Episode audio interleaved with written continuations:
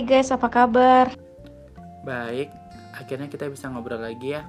Eh, Wayan, kemarin lo nyepi ya? Selamat Hari Raya ya.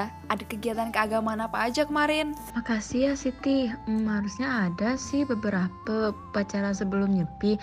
Tapi karena lagi ada pandemi COVID-19, Niki semua kegiatan keagamaan di Pura dialihkan ke rumah masing-masing.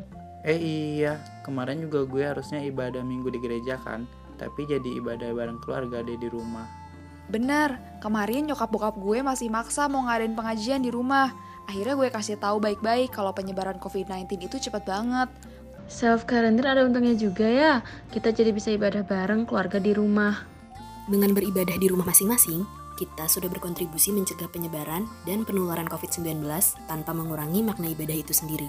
Iklan layanan masyarakat ini dipersembahkan oleh Memanusia Podcast dan Unpad Media.